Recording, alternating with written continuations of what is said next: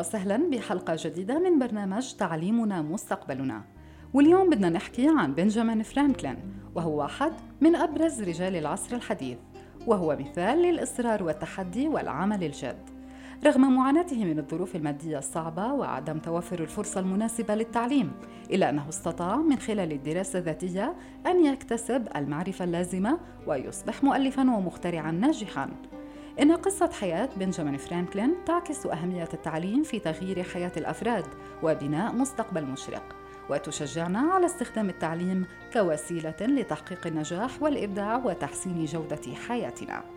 التعليم كان الطريق الذي اتبعه بنجامين فرانكلين لتغيير حياته نحو الأفضل والذي أتاح له الفرصة ليصبح شخصا مؤثرا في المجتمع ومن أبرز المخترعين والمؤلفين في التاريخ وبالتالي إن استخدام التعليم كوسيلة لتغيير الحياة وبناء مستقبل أفضل يمكن أن يكون متاحا لتحفيز الناس على العمل الجاد وتحقيق الإنجازات والمساهمة في تحسين حياة المجتمعات. هذه الومضة من ضمن الحملة الشبابية التطوعية المحبة والخير تجمعنا التي تهدف إلى غرس قيم المحبة والأمل والتفاؤل وفعل الخير بين الناس من خلال التعليم.